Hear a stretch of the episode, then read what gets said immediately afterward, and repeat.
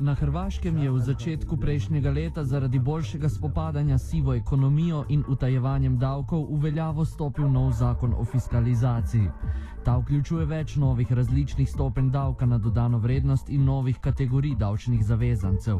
Z vstopom Hrvaške v Evropsko unijo 1. julija 2013 pa je v poslovanju z gotovino za vse, razen prodajalcev na tržnicah, začela veljati obvezna uporaba davčnih blagajn. Davčna blagajna v obliki računalniškega programa je neposredno povezana s hrvaško davčno upravo, ki tako zazna vsako upravljeno finančno transakcijo v državi. V poročilu o učinkih fiskalizacije za leto 2013, ki ga je 31. decembra izdala hrvaška davčna uprava, lahko preberemo, da so v primerjavi z letom 2012 gostinci prijavili za 50 odstotkov več prometa ter trgovci za 24 odstotkov. Zveza svobodnih sindikatov Slovenije je na več institucij poslala pismo, v katerem poziva, da bi morala Slovenija po vzoru Hrvaške uvesti podobne ukrepe.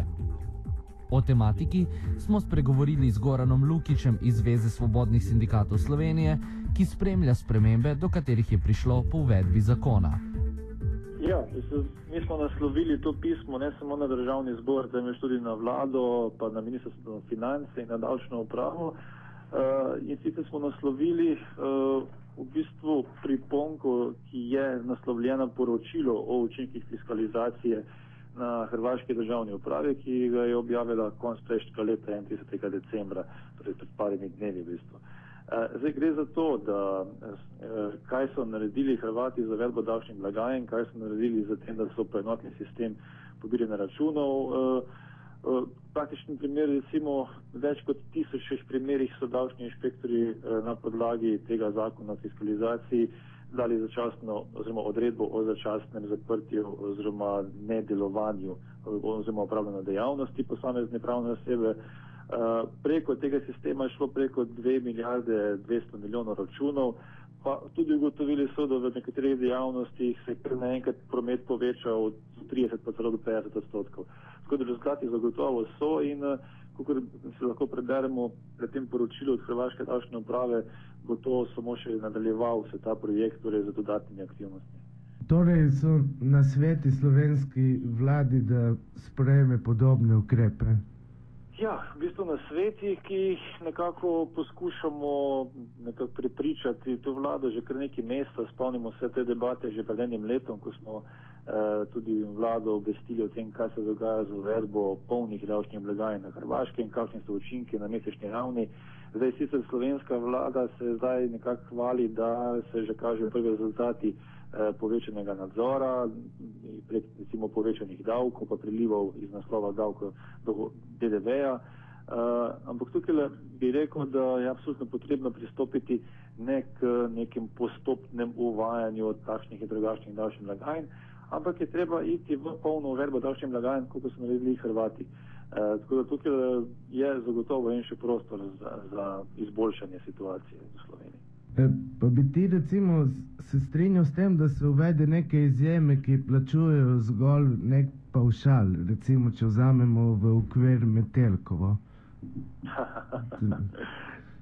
Stvar je tašna, no, ponavadi, če začneš delati izjeme, bo potem ta izjema postala pravilo. Sam, če pogledamo, recimo, primer, ne, to je za malce plastičen, pa tudi ne primer dela za določen čas, ko je v zakonu o delovnih razmerih, je to kot izjema, še dan danes pa je, recimo, če pogledaš primere v uh, vem, zavodu za zaposlovanje, delovna mesta, ki so na razpolago, jih je več kot 80% za določen čas.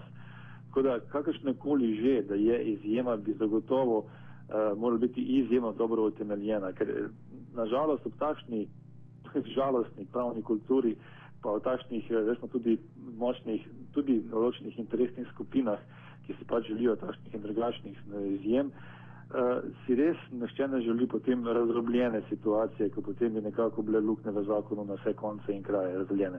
Tako da na to vprašanje ti v tem trenutku zagotovo ne morem enoznačno govoriti, bi pa rekel zelo jasno, da uh, če bi že prihajalo do kakršnih koli izjem, naj bodo utemeljene na res absolutno jasen in transparenten način. Zagotovo pa ne kar tako, pač ne bi bile potrosene. Eh, No, ravno zato sem mislil vprašati, ker nekatere tako imenovane alternativne cone niti statusa nimajo urejenega do te mere, da tudi če bi hotele plačevati davek, ga ne morejo. Aha, aha, aha. Ja, zdaj, zdaj je to stvar v bistvu eh, zatečene situacije in tukaj mislim, da ni samo stvar tega zakona, da se to uredi, ampak še cele druge plejade zakonodaje. Tako da to, to situacijo, o kateri govoriš, bilo treba nekako v paketu potem urediti.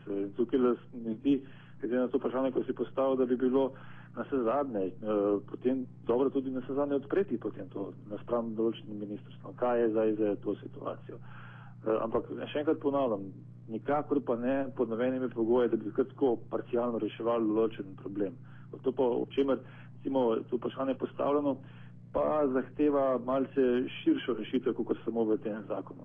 No, ker ne vem točno, kakšna je situacija na Metelkovi, ampak kolikor vem, recimo v rogu, tudi če bi hoteli poberati davek oziroma izstavljati račune, kolikor imajo tam urejeno, ga ne morejo, zaradi samega nerešenega statusa stavbe. Ja, to je v bistvu, ko bi tem rekel, kavel 22, eh, to je v bistvu situacija, s katero se sooča eh, vsaka skupina aktivistov, ki zaseda določene prostore in potem nekako se znajde v situaciji, ko je legalizacija te zasebe praktično nemogoča. Eh, tako da tukaj le zato pravim, da treba to reševanje nekako reševati v, v kontekstu posameznih ministrstv oziroma posameznih zakonov. Ampak eh, po drugi strani se pa seveda moramo vsi zavedati, da pa v tem trenutku, pa ne sem, sploh ne v tem trenutku, ampak nasploh, uh, si ne, nikakor ne moramo zdaj privoščiti neke podnarekovaj, kar tako nekih davčnih oaz. To, to, to ne bo, to v bistvu preprosto povedano, ne vem, če že vsi govorimo o socialni državi, se moramo vsi zavedati, da socialna država ni nek abstrakten pojem, da se financira preko davkov in prispevkov. In zato mislim, da tukaj je potrebno narediti nek sistem, ki bo transparentno šel v to smer. Kar se pa tiče eh, te situacije, o katerih ti govoriš, torej recimo zasedbe eh, in potem eh, legalizacije oziroma pobiranja davkov, to pa je zagotovo eno področje, ko pa se mi zdi, da bo velik izziv za pristojno ministrstvo, kako potem to situacijo rešiti. Offside je pripravil Urh.